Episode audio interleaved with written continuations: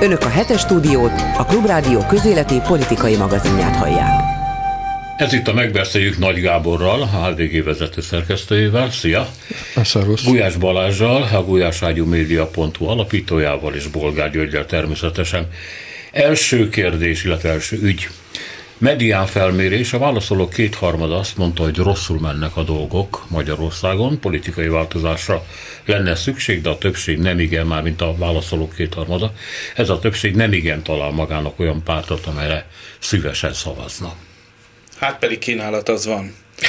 De a Fideszen kívül 12 úgymond ellenzéki párt van, ha jól számolom. Most beleszámoltad a második reformkort is, ugye? A második reformkor a néppártján, ugye ez a Jakab féle Még párt. a mi hazánkot is beleszámoltad. Bár igen, azért ingattam egy kicsit igen, a fejemet, amikor kimondtam, hogy ellenzéki. Akkor mondjuk azt, hogy sok nem kormánypárt van. Igen, igen, így talán pontosan.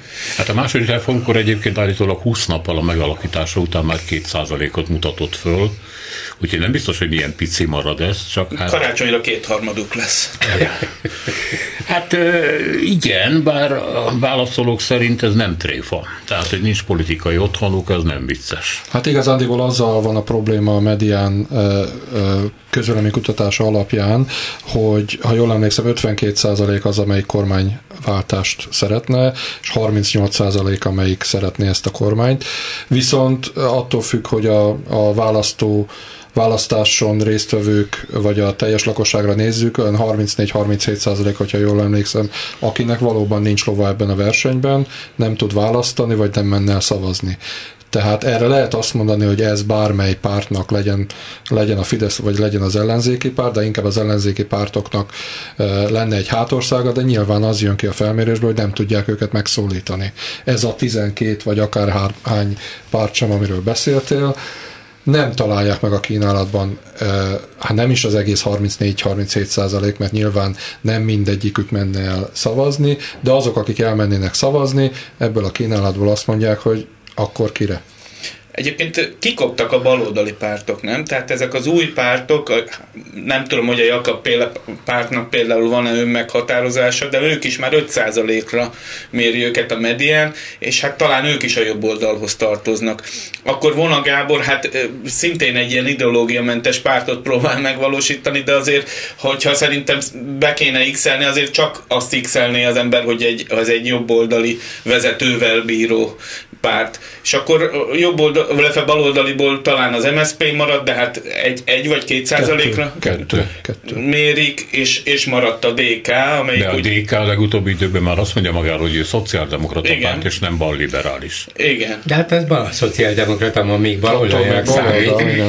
De, de, de valóban a baloldali pártok olyan 20-22 százalékot tesznek ki DK-stől, MSZP-stől, mm, alig-alig létező párbeszédestül és LMP-stől, még annak ellenére is, hogy az LMP nagyon sok szempontból faséban van a többi pártal, de inkább a baloldalhoz sorolnám. Hát az Ungár Péter volt nálam, és én rákérdeztem konkrétan erre, hogy, hogy most akkor mondja már meg, hogy mi az LMP, hova tartozik, melyik oldali, és kínosan ügyelte azt, hogy, hogy meghatározza, hogy ők baloldali, jobboldali, centrista, Igen. bármilyen jelzőt aggassanak. Jó, ezért mondom, hogy én még az LMP-t is oda szám. Végül is van, benne, van bennük egy nem tudom mennyire szimpatikus, de kapitalizmus ellenesség, ez biztos, hogy van. És egy az pedig, gondolat, és igen, az igen, is általában inkább baloldali. Az, az mégis inkább baloldali, a zöldeket is inkább a baloldalhoz sorolják, mert mert éppen, hogy nem a megőrizni, akar, megőrizni akarjuk az egész földet, meg a környezetet, de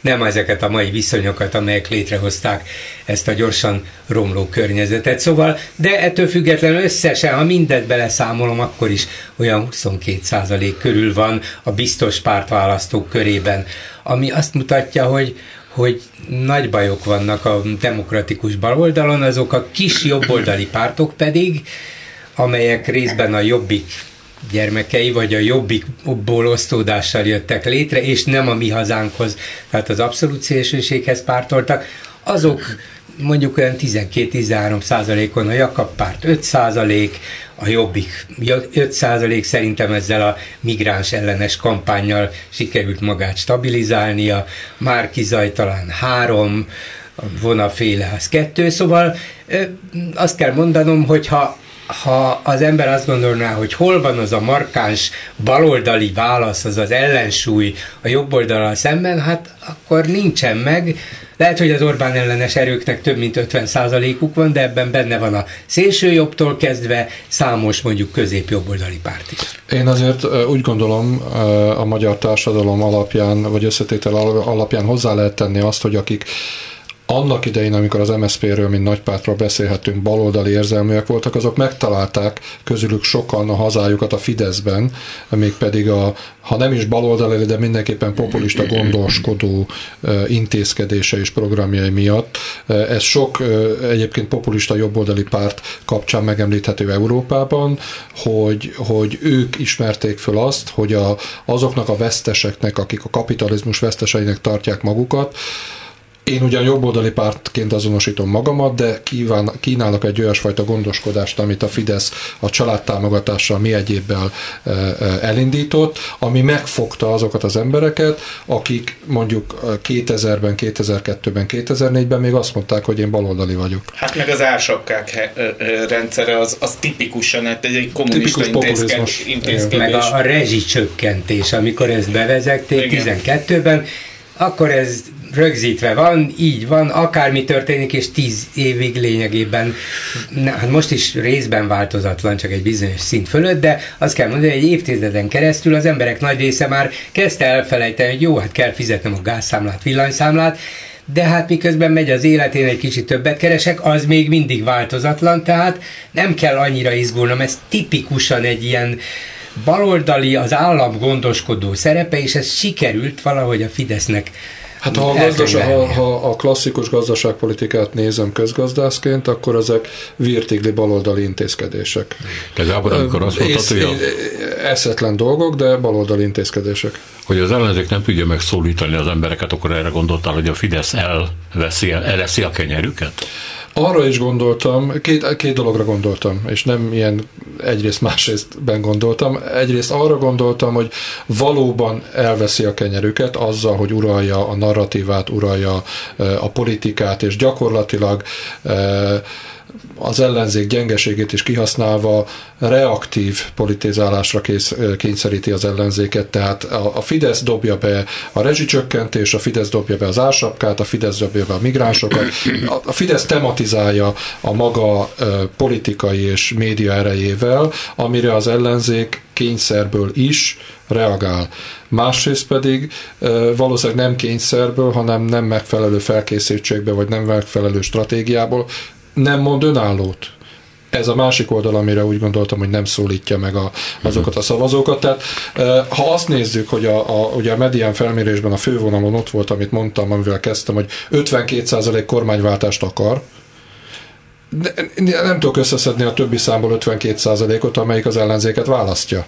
És ez a probléma, mert én akarok kormányváltást, és akkor végignézem azt a palettát, amiről beszéltél, és nem találok ott olyat, ami nekem ezt a kormányváltást elhozná, és ezzel, ezzel elértettem a másik részét, hogy így nem tudja megszólítani az ellenzék az embereket, hogy nem hiszik el, hogy, hogy tőlem várják a kormányváltást. Pedig a válaszó erőt vár, ugye? Tehát olyan erőt, amelyik nem csak beszél. Kormányváltáshoz erő kell. Igen. Pedig éppen, éppen, hogy pont amiatt, mert a Fidesz erre kondicionálta a szavazókat, hogy kulturálisan jobboldali szavazói vannak, ugyanakkor gazdaságpolitikai szempontból meg igenis baloldaliak, mert elvárják ezt a gondoskodó államot. Pont ezért lenne keresni valója szerintem a baloldalnak Magyarországon, csak valahogy most például a DK, ahogy Gyuri is mondta, a DK folyamatosan hangoztatja, hogy ők most már egy szociáldemokrata párt, és, és ez a szó minden, minden mondatban benne van, amit a sajtóközleményükbe el, eljuttatnak hozzánk is, mint újságírókhoz, de én nem tudom, hogy mitől szociáldemokrata például a DK, tehát hogy ennek mi a tartalma,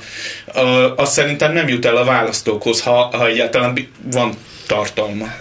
Az a kérdés, hogy az kell -e, hogy eljusson, hogy mi a tartalma, mert ha megnézed és eljut hozzád a DK napi több közleménye, akkor látod, hogy nagyon konkrét lépéseket követelnek Orbánik. Ha mi hatalomra kerülünk, akkor ezt csináljuk. Ha mi, akkor, akkor ez is ez. És azokból kirajzolódik egy kép, sőt, én a napokban beszélgettem épp az 5%-os eredményük miatt Jakab Péterrel és megkérdeztem, hogy hát mégis hol helyezni el a pártját. Ő is tartózkodott attól, hogy jobboldali vagy baloldalinak nevezze, de milyen programmal, mitől más? Azt mondja, nem kell itt programmal foglalkozni. A program megvan a hat ellenzéki párt a 2022-es választásra kidolgozott egy elfogadható programot, ez alapvetően ma is érvényes, és ha elolvassuk, tényleg érvényes, azt kell mondani, ez egy demokratikus, többé-kevésbé igazságos, részben szociáldemokrata, de azért a szabad piacra építő program, amelyik megpróbálja összeegyeztetni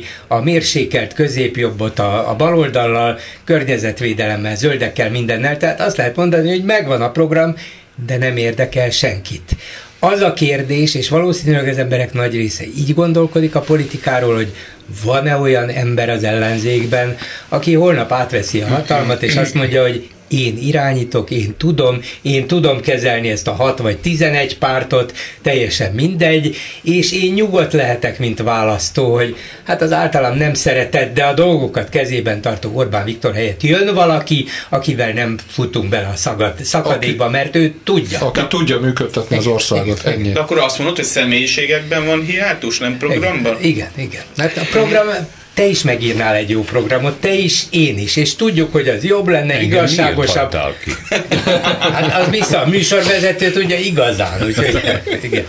Szóval ez, ezt meg tudjuk csinálni, nem olyan nagy dolog ez, és a részletek az meg, meg tényleg szak, szakpolitikai kérdés. Tudjuk, még az átlagválasztó is tudja, hogy mi kellene, hogy másképp menjen, hogy a rohadt egészségügybe bánjanak velem rendesen, gyógyítsanak meg, ne kelljen hónapokat várnom egy orvosi vizitre, hogy az iskolában, hát tényleg ne a testnevelés tanár tanítsa a gyereket fizikára, mert nem lesz belőle Nobel-díjas, és így tovább. De, de az, hogy ki legyen az, aki ezt az egészet menedzseli, azt nem látják. Ha szabad egy távoli példát mondani, hát Donald Trump sok mindenre képes, de egy üzleti tervet nem tudna megírni, és programot sem tudott volna írni. 2000, Hillary Clinton viszont tudna üzleti tervet írni, és tudott programot is írni. 2016-ban mégis Donald Trumpnak hitték el, uh-huh. hogy ő vezérként el tudja juttatni oda az Egyesült Államokat. Végül persze nem ez sikerült, de a választók elhitték, hogy el tudja juttatni oda az Egyesült Államokat, azok a választók, akik Donald Trumpra szavaztak, ahova ők gondolták. A nagyobb baj, hogy még most is elhiszik. Igen, igen. Két új Nobel-díjasunk van, Karikó Katalin és Krausz Ferenc. Eh, ezzel kapcsolatban ugye két dolog merül föl. Egyrészt, hogy talán egy vagy talán kettő Nobel-díjasunk van, aki a Magyarországon végzett kutatásaiért kapta ezt a elismerést. Ebben mondjuk benne van az is, hogy egy kis ország soha nem tud annyi pénzt és lehetőséget adni, mint egy centrumország. Ez mondjuk Hollandia esetében is így lenne. Viszont sokan azt mondják, hogy ebben nagy mértékben benne van a magyar oktatási rendszer, ami csak az utóbbi 10-13 évben sikerült igazán tönkretenni, és ezzel az utolsó adóját veszítette el az óhaza, hogy ezeknek az embereknek, akik innen mennek el, majd Nobel-díjasok lehessenek, mert oly mértékben tették tönkre az oktatást. De furcsa ebben belegondolni, hogy még a leginkább szidott és első pillanatok kezdve szidott magyar oktatási rendszer is képes volt Wigner Jenőket meg Karikó Katalinokat nevelni. Hát bizony, és akkor jön Rét, Rétvári államtitkár úr, miniszterhelyettes úr, aki, aki azt mondja, hogy, hogy hát nem is olyan rossz akkor ez az oktatási rendszer, ha, ha ilyen embereket nevelt ki. Hát nyilván Karikó Katalin nem a Fidesz közoktatási... Ja, 70-es években. Igen, tehát akkor még nem volt sajnos Fidesz, most már hála Istennek örülhetünk neki, hogy van. Most Rétvárit idézed, nem? De Krausz, Krausz Ferenc is a, Krausz is a 80-as években Persze, tanult, persze, igen. tehát ez, ez egy nettó butaság, de hogy ugyanúgy, ahogy minden más ilyen hasonló kormányzati butaságot, hogyha elégszer mondanak, akkor talán, talán átmegy, és nem gondolnak bele az emberek, hogy hát ezek azért nem, nem most a tízes meg a huszas években jártak általános iskolába. Hát és egyébként most jön egy szegregációs törvénycsomag is, ami, ami még talán itt az oktatás kapcsán érdekes, amiben próbálja a rendőrminiszter, oktatási miniszter, meg egészségügyi. egészségügyi, meg ki tudja még hány területét felelős Pintér Sándor csökkenteni a szegregációt. Én ezt egy kicsit ilyen EU pénz felé történő lépegetésnek és Hát a jó az irány, akkor mindegy miért. Ilyesminek érzem. Ja, egyébként persze, persze. Tehát nyilván egyébként hatalmas a, a, a, a szegregáció a magyar iskolákban, ezt én is tapasztalom, Úgyhogy persze, hogyha ki a fenét érdekel, hogyha valamilyen nyomásra lépik meg, hogy csökken, az más kérdés, hogy, hogy én azt látom ebben a jogszabályban, hogyha már elkanyarodtunk e felé, mármint én elkanyarodtam, hogy, hogy egy kicsit ilyen, tényleg ilyen rendőrminiszteri, tehát hogy tessék, leírunk számokat, és akkor az holnaptól már működik Várj is. egy picit, én a, egyik fiam tanárnője mondta, aki egy nagyon neves intézményben volt igazgató is, hogy ez tudományosan be van bizonyítva, hogyha egy osztályban 10%-ig megy föl a hátrányos helyzetű gyerekeknek a, az aránya, akkor biztos, hogy befogadás lesz belőle, és biztos, hogy ezeknek a gyerekeknek a tudását emelni lehet. Ha 15% akkor már kicsit inok, 20% fölött pedig nem megy. Aha. Tehát, ezek nem csak leírt számok, nem akarom Pintért védeni, hanem ezek olyan tudományosan bizonyított tények, amikkel számolni kell.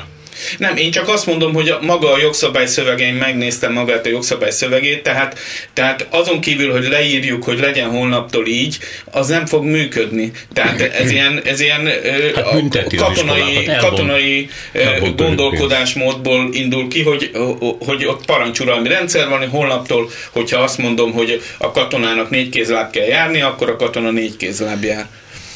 Nekem a pártállam jut eszembe erről is.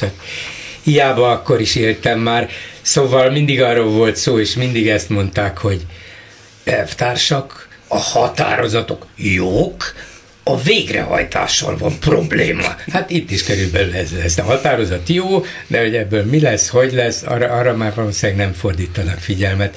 De a Nobel-díjasokról akarták igen, kérdezni. Igen. Én, ha, ha szabad visszatérnék rá, amit említettél, a Wigner Jenő korosztálya, az például innen nem messze a Fasori Gimnázium igen. Eh, volt nevezetes, ahol... Én megnéztem ahol, a kurzatnak uh, egyébként a szintén sokat színott oktatási rendszerét. Nagyon sok ilyen szigetként működő, egyébként nagyon nagy mértékben egyházi felügyelet álló iskolák, gimnáziumok, eh, általában ezek ilyen szigetek ma is vannak, sőt, ma is ezek a szigetek működnek jól, és nem az egész közoktatási vagy felsőoktatási rendszer. Egyrészt, másrészt a másik dolog, amit mondtál, hogy óhatatlanul fizikai alapkutatásra egy ilyen szintű attoszekundumos fizika, ezt most mindannyian megtanultuk, egy ilyen szintű lézerkutatásra valóban még Hollandia sem, de Magyarország végképp nem. Még a, Szegeden, még a legjobb, Szegeden, Szegeden van, egy, igen. Szegeden van, és, és, és Klaus Ferenc is dolgozott ott, de ez a kivétel. Tehát e- egész egyszerűen az alapkutatásokat már egy kisebb nyugat-európai ország sem tud olyan mértékben finanszírozni, mondjuk a Harvard, amelynek 30 valahány milliárd dollár az alapítványa és borzasztó jól felszerelt minden laboratóriuma. Volt egy statisztika, amit elkészített az UNESCO 2021-ben, abból két dolog derült ki a Nobel-díjasokról. Az egyik, az derült ki, hogy 1901-től a Nobel-díjasok, az amerikai Nobel-díjasok 40 százaléka körülbelül nem Amerikában született. Ez volt a Fasori gimnázium generációja, voltak máshonnan. A világ összes tájára, főleg a második világháború után, amikor Amerika vezető gazdasági hatalom lesz, lett, egész egyszerűen odaáramoltak a perifériából a centrumba. A másik statisztika, amit elkészített az UNESCO 2021-ben, az az volt, hogy a, a kutatói státusszal rendelkező tudósok a világban, a 89%-ok a G20 csoport országaiban van, ami a leggazdagabb országokat és a feljövőben lévő országok közül is a, a legjobbakat összpontosítja. Tehát gyakorlatilag kialakul egy olyan térkép, hogy azok a tehetséges emberek, és most ugyanúgy szigetekről beszélhetünk, mint ahogy említetted, sziget volt a Városmajori Gimnázium, szigetek a mostani menő gimnáziumok, vagy egyetemek, vagy egyetemi kurzusok, beáramlanak a perifériába, ez globális szinten is így működik, hiszen az a, nem tudom, most mondok valakit, egy Fülöp-szigeteki vagy tajföldi kutató, kutató, vagy bárki, aki kutatni akar, főleg alapkutatást, az valószínűleg nem Tajföldön és a Fülöp-szigeteken fogja megtalálni azt a lehetőséget, hanem vagy az Európai Unióban, vagy ugye nekik közelebb van Ausztráliában, vagy az Egyesült Államokban. Szerintem sok, nem, is, sok nem, is, nem is csak ez a probléma, hanem az a probléma, amiről Pálinkás Józseffel egyébként a műsor első felében szót ejtettünk, hogy olyan mértékben romlott le hogy rontották le a magyar ö, alapfogtó oktatási rendszert, hogy az egyetemek tele vannak panasszal, hogy a középiskolából is olyan gyerekeket kapnak, akik alapvető tudást, tudásra nem rendelkeznek, gyakorlatilag vissza kéne íratni őket az általános iskola 8. osztályába. Aztán eszembe jutott, hogy sok-sok évvel ezelőtt Ormos Mária, aki Pécsen tanított, ő ugyanezeket mondta el. Tehát nem újszerű problémáról van szó, de a romlás mértéke a soha nem látott módon megy, és ha nincs megalapozva egy gyerek tudása. Az általános iskolában ott baj van, a középiskolában, egyetemen meg már hiába megy. De nem az volt az ígéret, hogy ez az alapítványi forma, amiben ugye sok egyetemet belekényszerítettek, először a Corvinus például, aztán, aztán meg annyi másik egyetemet, hogy ez majd megold egy csomó problémát. Az alap, nyilván az, az, hogy az alapoktatásban mi történik, azt nyilván nem oldja meg. Én csak arra akarok kitérni, hogy, hogy ez volt a szöveg, hogy majd most aztán előre törünk. Aztán látom a legfrissebb eredményeket, hogy most már a Corvinus az első pár százba sem fér bele Európában az egyetemek ranglistájában. Mert ugye megválasztottak, egy, egy ráerőszakoltak egy olyan rektort, aki alkalmatlan, akik pusztított évekig, hát aztán most elküldték, vagy fölmondott, nem tudom, de a kár már megtörtént. Igen. Ha szabad még egy statisztikával untatni benneteket és a hallgatókat, most volt a Nemzetközi Tanárnap október 5-én, és megint csak az UNESCO, amelyik ezt a területet vizsgálja, egy ilyen riasztó számot tett közzé, hogy a világon 44 millió tanár hiányzik az alap- és középszintű oktatásból, és ezt persze hozzáteszi, hogy a nagy része a fejlődő országokban hiányzik, főleg Afrikában és Ázsiában. Nem, nem, nem, nem, nem, nem, nem, és a statisztikával statisztika része, és még egy számot mondok, és ígérem többet nem. 4,8 millió alap- és középfokú tanár hiányzik Európából és Észak-Amerikából. Tehát e, e, én azt mondom, hogy a, ez, ez csak azt jelenti az UNESCO szemszögéből és globális szemszögből nézve, hogy egyrészt rengeteg az a kár, amit ez a kormány az oktatásban e, én úgy gondolom tett, de másrészt azért van egy olyan globális probléma is, hogy még azokban a boldogabb országokban is, ahol sokkal hatékonyabban művelik az oktatást, oktatást, legyen az Finnország vagy bármi más, ott is van egy olyasfajta hiány, ami az UNESCO szerint persze egy optimális állapothoz kellene. A nacionalizmusnak az, vagyunk. nacionalizmusnak az az alapja, hogy vannak a világon nemzetek. De ha ezt a kategóriát jól kezeljük, politikailag, akkor nem föltétlenül kell, hogy ebből nácizmus legyen. Tehát a Kelet-Európában a nemzet az betegség, mondjuk a franciák és a németek közötti megbékélés után meg egy tény hogy vannak nemzetek, de ki tudnak egyezni. Ugyanez a helyzet ebben is szerintem. Minden esetre az, hogy most két új magyar vagy magyar származású, de hát nevezhetjük őket nyugodtan magyarnak, nem szégyelik ezt, és, és vissza is járnak, van, aki még dolgozni is. Lett Nobel-díjas, ez, ez nyilvánvalóan egy jó leső érzés mindenkinek. Ez hogy, ugye, siker, hogy ez, igen. igen. De van, megvan az a veszélye, hogy azt a fajta akkor ha a nemzetet említetted, nemzeti felsőbbrendűség érzés tudatot erősíti, hogy látjátok? A világon talán egy olyan nemzet sincs, amennyiből, amelyik lakosság arányosan ennyi Nobel-díjast adott volna a világnak, ha az ember utána számol, kiderül, hogy nem igaz. Valóban a legjobbak között vagyunk, de jó néhány más ország hát is nem van. Benne az első Igen, tízben de majd talán a tizedik körül vagyunk. De, de az, is, az is nagyon szép de akkor még mindig nem számítjuk azt, hogy ezeknek a tudósoknak a jelentős része olyan volt, aki lényegében csak származásilag volt magyar vagy magyar is, és abszolút nem itt dolgozott, és mondjuk egy jó alapfokú oktatással, vagy középfokú oktatással az ebében elmegy nyugatra tovább tanulni, és aztán kutatni. Tehát rengeteg olyan konkrétum, ami azt mutatja, hogy hát nem feltétlenül az a, az a bizonyítéka, ami felsőbbrendűségünknek, vagy abszolút kiválóságunknak, hogy ennyi a Nobel-díjas, számtalan speciális ok volt, ami ezt magyarázza. De hogyha mégis, mert ez a legkönnyebb, és az emberek nagy része nem gondolkodik tovább, hát már megint két magyar Nobel-díjas, van két új cseh Nobel-díjas? Nincs. Van két új szlovák, két új román? Nincs. Tehát Pedig azt a következtetést kellene levonni, hogyha ez például ennek a két embernek sikerült, sok nehézség, sok olyan tényező ellenére, ami nem segítette őket, hát főleg Karikó Katalin, még Amerikában sem, akkor azt a következtetést kellene levonni, akár az ő személyes segítségükkel, hogy tanulni kell, ehhez meg kell teremteni a feltételeket, a lehető legjobbakat, a kreativitást erősíteni, nem feltétlenül ilyen-olyan szabályok alapján dolgozni, hanem a gyerekekben, diákokban azt a lehetőséget megteremteni, hogy gondolkozzon, hogy keressen, kutasson, újat találjon föl. Szóval egy olyan fajta oktatási rendszer kellene, amelyik ilyen kiváló eredményekre képes felnőtteket képez, és talán tőlük inkább elhiszik, és talán a magyar kormány is elhiszi, hogy nem az a fajta oktatási rendszer jó, ahol Pintér Sándor kiadja az utasítást. A státusztörvény ügyében Ritvári Bence államtitkár azt mondta, a pedagógusok 99%-a elfogadta a státusztörvényt, és dacára annak, amit a baloldal mondott a tanárok tömeges elmeneküléséről, csupán 1% nem fogadta el a törvényt, és távozott.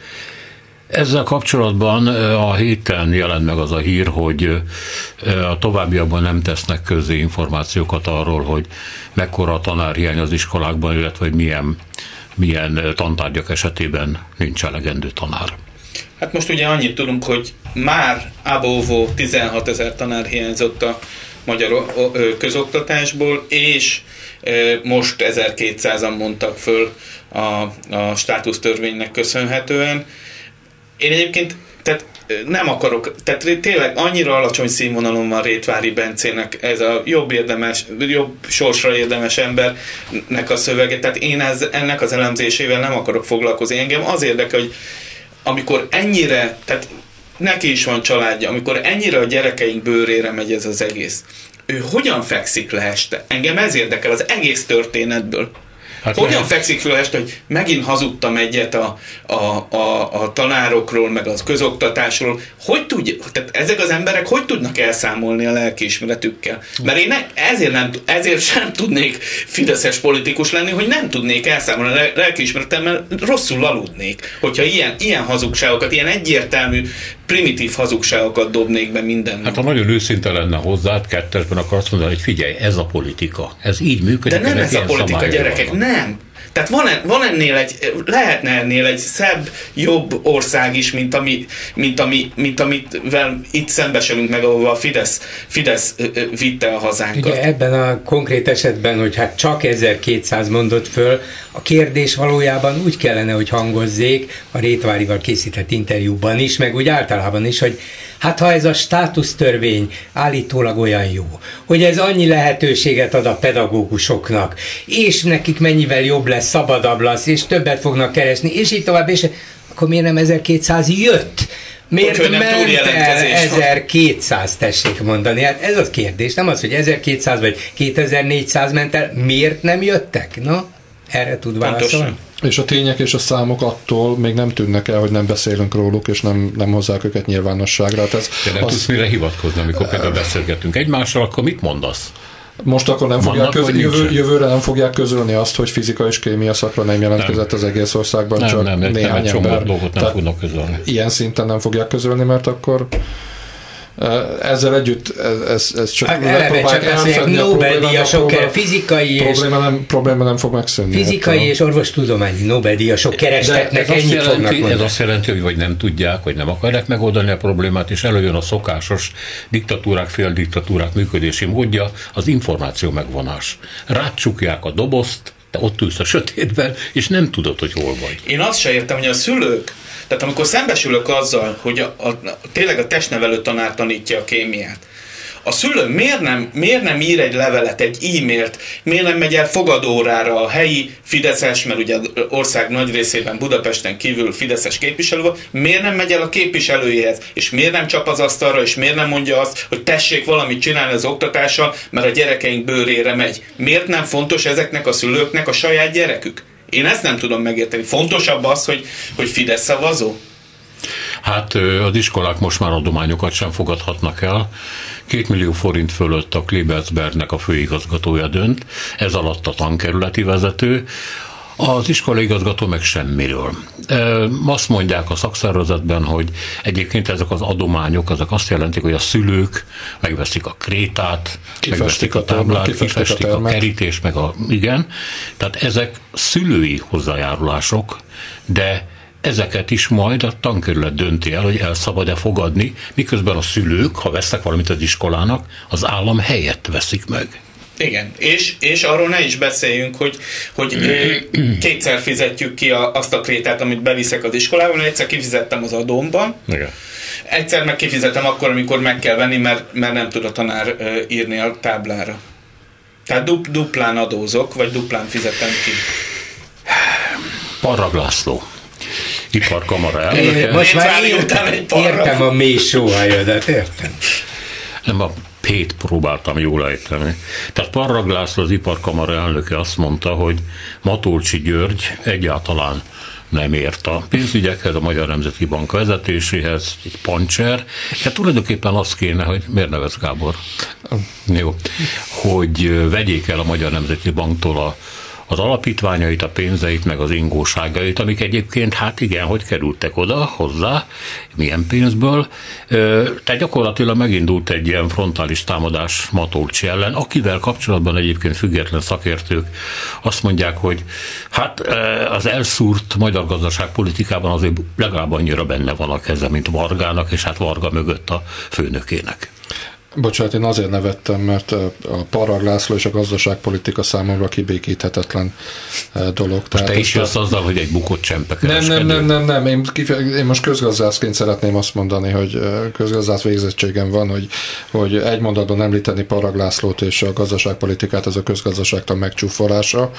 Eh, Tehát én körülbelül ennyit, ha szarkasztikus akarnék lenni, akkor én nem csak az MNB alapítványai birtokában lévő ingatlanokat kérdőjelezném meg, hanem azt a minden vállalkozó által fizetendő 5000 forintot is, amiből Parag László kamarája fölépül, hogy azt ugyan miért fizetjük, és mit kapunk érte cserébe. Ezzel együtt viszont Parag László, én úgy gondolom, hogy abban valamiféleképpen jól, jól szolgálja a kormány érdekeit, hogy ha jól emlékszem, ő volt az első az is, aki megfuttatta, ha úgy tetszik, tesztelte a kata megszüntetését. Igen. Tehát eh, lehet, hogy oda kell figyelni arra, amit mond, bármilyen kétségeim is legyenek a felkészültségével kapcsolatban, a canary in the coal mine, ahogy az angolok mondják, tehát megnézik, hogyha Parag ezt mondja, akkor azt, azt mennyire lehet bevetni a szélesebb közvéleménynek. Eh, Ami pedig Matolcsit illeti, sokan azt mondják, és most ez a közgazdász vándorgyűlésen eh, talán ki is derült, hogy eh, Dacból, Isten tudja miért, végre elkezdett jegybankelnökként viselkedni e, e, a korábbi viselkedésével kapcsolatban. Ennek is valószínűleg megvannak az okai, de az mindenképpen figyelemre méltó, függetlenül paraktól, hogy valamiféleképpen most három osztatú lett a magyar gazdaságpolitika, és három ilyen emberi erőközpont alakult ki, ami ha akarom jó jel, mert végre vita van, és ha akarom nem jó jel, mert nincs egyetértés. Három, három részre, Varga Mihály, gyorsan. Varga Mihály Nagy Márton és Matolcsi három részre, három részre szakadt Orbán Viktor. Hát illetve most a verseny azért folyik, hogy kire fog majd hallgatni Orbán Viktor abban a gazdaságpolitikai helyzetben, vagy gazdasági helyzetben, ami kialakult. Igen, azt lehet mondani, És akkor még ott van Parag László, három aki, aki futó tesztel. van, és hát igen. aki beér a célba, az kapja az aranyérmet, a többi meg megy haza. Parrag egy, én tovább mennék annál, hogy ilyen előkóstoló, egyben verőlegény is. Tehát amit Orbán Viktor ö, ö, még nem mondhat ki Matolcsi Györgyről, azt kimondja Parrag László. Ö, és egyébként engem az, az érdekelne, hogy vajon, mert azért csak Magyarországon élünk, vajon egy nagy színjátékot látszunk, já, látunk, amiben, amiben elosztódik a, a, a harag, a düh, a, az elszúrt gazdaságpolitikáért. Tehát magyarán Matolcsi György benne van ebben a játékban, vagy sem.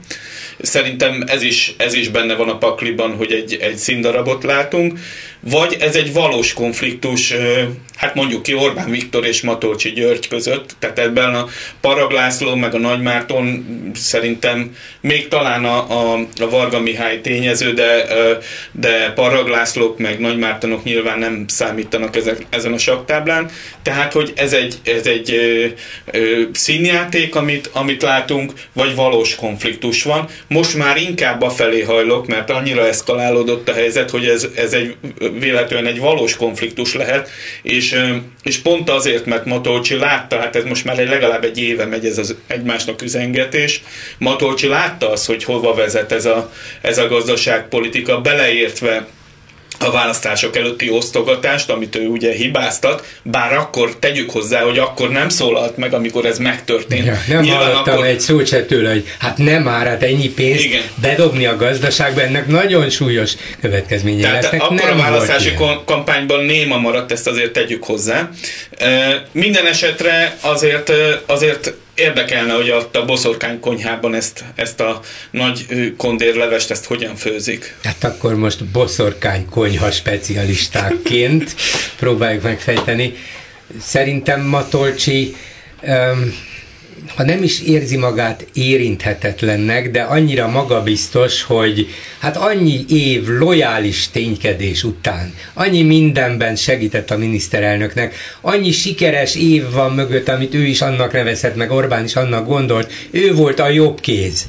Hát akkor most már láthatjuk, hogy amikor már nem én vagyok a gazdasági miniszter, hanem ez a Varga, ez az akárki, hát megmondhatom, és ha nem értitek, megmondom határozottan, ha még mindig nem értitek, akkor elmondom, hogy ez egy gazdaságtörténeti tömegszöret, szerencsétlenség, vagy milyen tömegbaleset, mit mondott ő.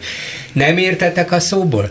Csak azt hiszem, hogy Matolcsi, mint az előző években sok egész furcsa megnyilvánulásából is következtethettünk rá, hát nem az a igazán ne, hát diplomatikus, vagy, vagy nem az a konform gazdaságpolitikáz kétségtelen értő, vagy gazdasághoz értő ember, pláne nem igazán a nagy politikához, aki fel tudná mérni, hogy mi lesz ennek a következménye, pedig ő jobban ismeri Orbánt, mint mi, és tudhatja, hogy a miniszterelnök nem felejt. És ha tehát ilyen módon sérti és sértegeti őt, akkor ennek az első következménye az, hogy kivettük az infláció kezelését a Magyar Nemzeti Bank kezéből, mert nekik csak bicskájuk van, a kormánynak viszont fejszéje van de aztán még lehet, hogy mást is kivesz Matolcsi György kezéből, és mintha ezt nem volna képes felmérni, vagy úgy érzi, hogy én akkor is érinthetetlen vagyok.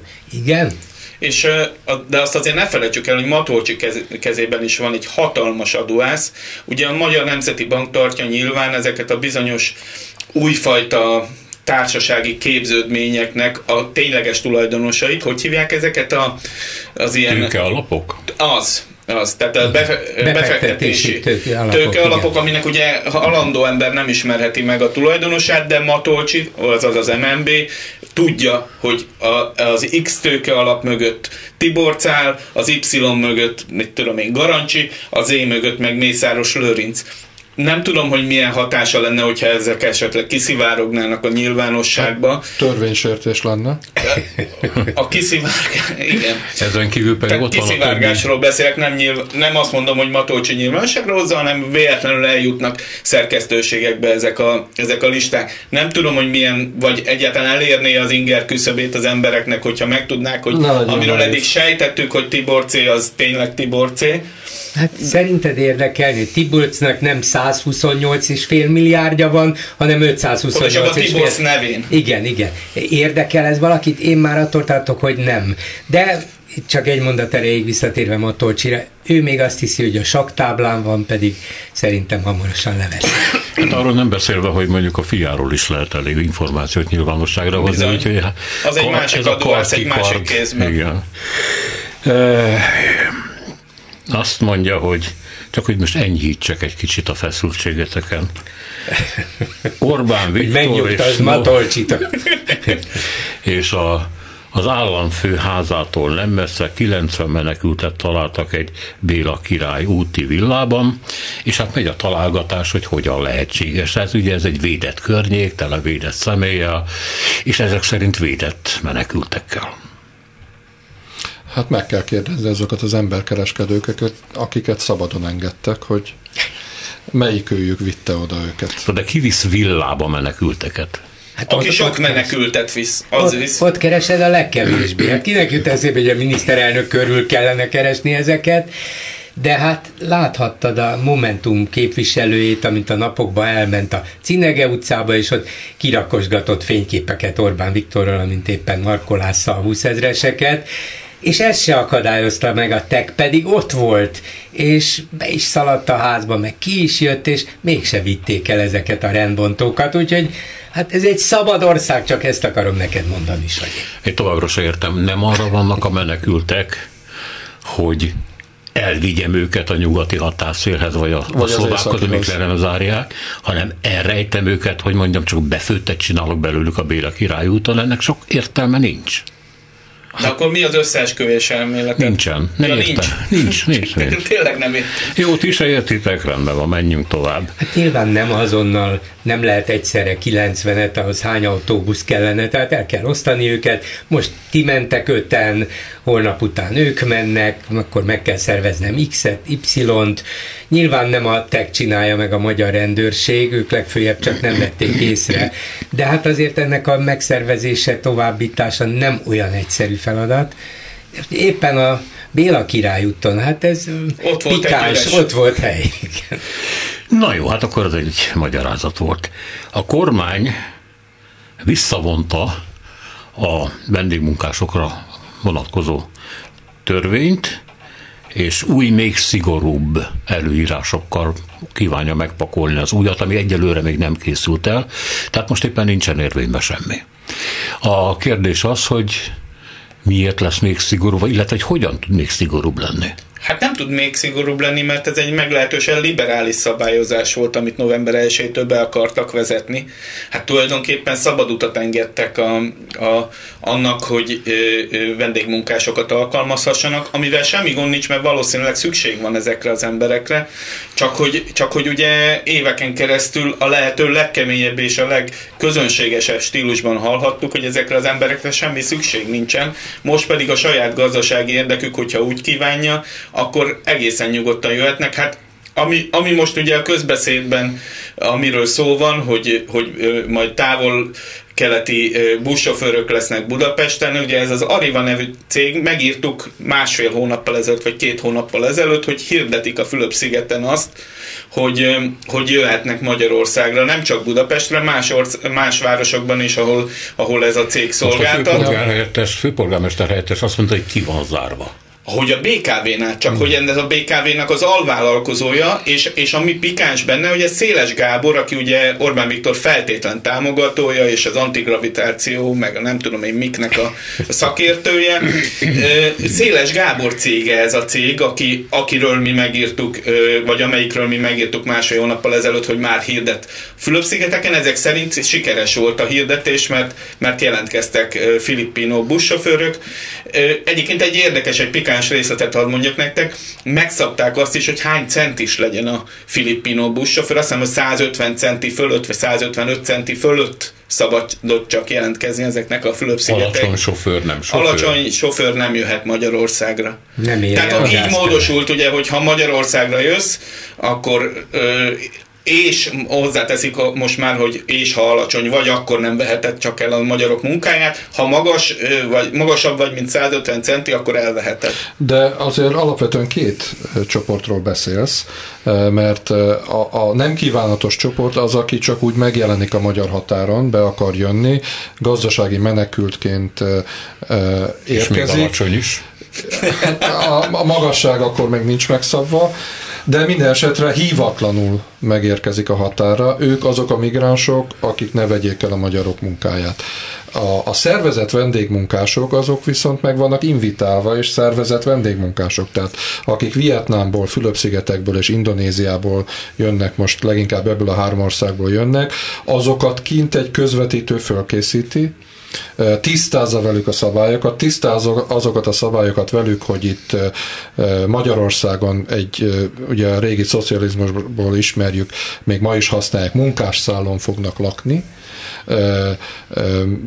a Fülöp-szigeteki hatóságok még azt is meghatározzák, hogy, a, hogy gondoskodniuk kell az otthon lakottakról, tehát ez egy szervezett vendégmunkás program. Tehát mind a két országon van egyfajta nem is azt mondom, hogy kormányzati garancia, de mindenféleképpen van egy szabályozott rendszere ennek az egésznek. Tehát, hogyha most ezt nézem, akkor, akkor ez, ez, ez ebben az értelemben nem sérti meg azt a kormánypropagandát, vagy azt a fajta álláspontot, amit kormány, korábban az Orbán kormány ö, ö, ö, ö, vallott és szétkürtölt, hogy a migránsok, a gazdasági migránsok nem kívánatosak Magyarországon, ne vegyék el a Magyarország, magyarok munkáját. De most ezek pont csak arról címkék, van szó, ezek nem, nem, nem, most pont arról van szó, hogy azok a szervezetten érkező vendégmunkások nem veszik el a magyarok munkáját, hanem azt a munkát végzik el, amire Magyarországon nincs Csak hogy- csak a, hogy Orbán az oka a szigorításra? Mit kell szigorítani? Szigorítás, én nem, én csak találgatni tudok, de voltak a, a sajtóban olyan hírek arról, hogy érkeztek Vietnámból vendégmunkások, akik a, a szabályokat, amikkel a kormányzati szinten, vagy akár szervezői szinten megegyeztek, sútba dobva megpattantak Schengenen belül. Ah. És ne, nem tudom, csak találgatok, de voltak a sajtóban olyan hírek, hogy voltak, akadtak vendégmunkások, akik jöttek. És mentek. és mentek, és tovább is léptek. Nem tudom, mi lesz a szigorításban, de valóban ez a vendégmunkási rendszer, ezt valahogy fölépítették jogszabályi, gazdasági és egyéb módon, és ezen módosítanak. Nem tudom, hogy miért, és én is csak találgatni tudok, jött de erről voltak ellen, hírek. Igen. Igen. Csak hogy Orbán Viktor, mi kigyűjtöttük, és készülőben van egy cikkünk, majd el tudják pár nap múlva olvasni a, a hallgatók a Gulyás Ágyú médián, hogy hányszor beszélt konkrétan vendégmunkásokról, tehát nem csak migránsokról, a migránsozás ugye az egy bevett gyakorlat volt, de konkrétan vendégmunkásokról is beszélt, mint nem kívánatos elemekről. Akkor még nem voltak akkugyárak, ahol szükség volt Hát a igen. vendégmunkásra. Nem csak- szeretném a magyar szállodákban ázsiai takarítónő lenne, ilyeneket mondott például Orbán Viktor. Meg Van, konkrétan a vendégmunkás szó is elhangzott, csak ugye felmerül bennem, hogy épül egy akkumulátorgyár, aminek adunk egy csomó, csomó állami támogatást azért, hogy munkahelyeket teremtsen, majd behozunk a távol-keletről munkásokat, hogy azok dolgozzanak ott, és a mi gyerekeink, meg, meg mi fogjuk az akkumulátorgyárak környezeti hatásait elszenvedni. Tehát, hogy ez miért jó üzlet Magyarországnak, az, nem, az számomra legalábbis nem teljesen világos. De lehet, hogy csak én nem látom. Szerintem azért változtatnak, azért vonják ezt vissza, mert az elmúlt hónapokban érzékelték, és nyilván megismerték, hogy a magyar társadalom nem ilyen, ilyen delikát módon kezdi válogatni, hogy hát ez itt hivatlan vendég, bejött, átmászott a kerítésen, elveszi a munkánkat, azokat meg a kormány hozza, hanem azt mondja, hogy nem érdekel engem, hát ez valahonnét Ázsiából jön. Ez, ezzel turbán van a fején, vagy sárga a bőre. Mert én látom, hogy ide nem tud magyarul, és ott van a szomszédgyárban dolgozik, meg a szomszédban lakik, és kibéreltek egy nagy házat, és oda járnak esténként munkából, és onnét viszik őket reggel, és nyilván ez terjed is, meg egyre több ember látja is. És azt mondja, hogy Hát most akkor ezek azok, akiktől félni kell, ezek azok az idegenek, akik számunkra veszélyesek, vagy, vagy nekünk ártani fognak? Hát akkor milyen kormány ez, ha ráadásul az ő segítségükkel, az ő törvényeik alapján jönnek be? Vagyis ennek a, ennek a szerintem terjedő és gyorsan terjedő, és ez, ez egy tipikusan olyan fajta hír, nem is rémhír, hír, aminek láthatni, látni az alapját, látni a tényeket, látni azokat az embereket, amik politikailag számukra szerintem nagyon veszélyesek, és ezen próbálnak, nem tudom hogyan, de valahogy úgy szigorítani, hogy kiderüljön, hogy mi nem hagyjuk, mi nem engedjük, hogy aztán mégis hogy fognak tudni bejönni, mert ezekre viszont szükség van bizonyos helyeken, ezt nem tudom, de lehet, hogy még ők se tudják. De ebből az következik, hogy ezt eh, Orbánik szeretik mondani Brüsszel kapcsán, hogy lából lövi magát, de mint ha most a magyar kormány lőtte volna lábon magát az idegen ellenes eh, hát szövegeivel, mert hát a kádárizmus utolsó éveiben is jöttek ide munkások, ugye a kubaiak, voltak verekedések, meg cirkuszok, de hát azért nem, a társadalom nem volt fölháborodva, ezt nem mondhatjuk. Most meg mindenhol már az Fideszes polgármester ír levelet ugye Orbánnak, hogy magyarázza el az ő települése polgárainak, hogy miért kellenek ide ezek az idegenek. Tehát Hát ez egy súlyos öngolnak tűnik. Hát itt van, amikor a nyalóka visszanyal, tehát ami, amikor éveken keresztül folyt a, a riogatás, azzal jönnek a migránsok és félni kell tőlük. Most tényleg jönnek szervezetten a migránsnak kinéző vendégmunkások, és ezt azért a propagandának, amit, ami korábban volt, meg kell tudni magyarázni, hogy most akkor ők nem azok, akik korábban téged fenyegettek. Igen, de ezt egyelőre ők azok, nem akik, tudják Ők azok, akik építik az országot, ha úgy tetszik, egy régió szocialista Véletőleg ezért van szükség erre, ahogy Gyuri is mondta, erre a kommunikációs szigorításra, hogy elmondhassák, hogy na most aztán megszigorítottuk, és ne higgy a szemednek, amikor látod, hogy ott van az akkumulátorgyárba menő sok láthatóan nem európai ember. Hát köszönöm szépen, hogy itt voltatok. Annyi időnk már nincs, hogy belekezdjünk egy újabb körbe, pedig hát lenne még miről beszélni. Többek között az Unió előkészít egy média pluralizmusról szóló törvényt. Vajon végrehajtják ezt Magyarországon? Illetve igazat mond a német Zsolt, aki azt mondja, még a törökök előtt igen gombot nyomunk a svédek NATO tagságára. Német Zsolt mindig igazat mond. Hát eh, erre nem is tudok mit mondani, csak azt, hogy nagyon szépen köszönöm, hogy itt volt Nagy Gábor, a HVG vezetőszerkesztője, és Gulyás Balázs, a gulyáságyú média.hu alapítója. Muszáj, hogy ilyen hosszú címet használjatok? Majd azért, mert a gulyáságyú.hu-t azt egy gulyáságyút forgalmazó valaki lefoglalta, tehát azért kénytelenek ja, vagyunk értem. ilyen hosszút, értem, értem. hosszút választani. Köszönöm szépen még egyszer. A műsort Lantos Dániel, Horváth Ádám, Baló Krisztián, Csernyánszki Judit és Szénási Sándor készítette. Köszönjük a figyelmüket, minden jót! A hetes stúdiót a Klubrádió közéleti politikai magazinját hallották.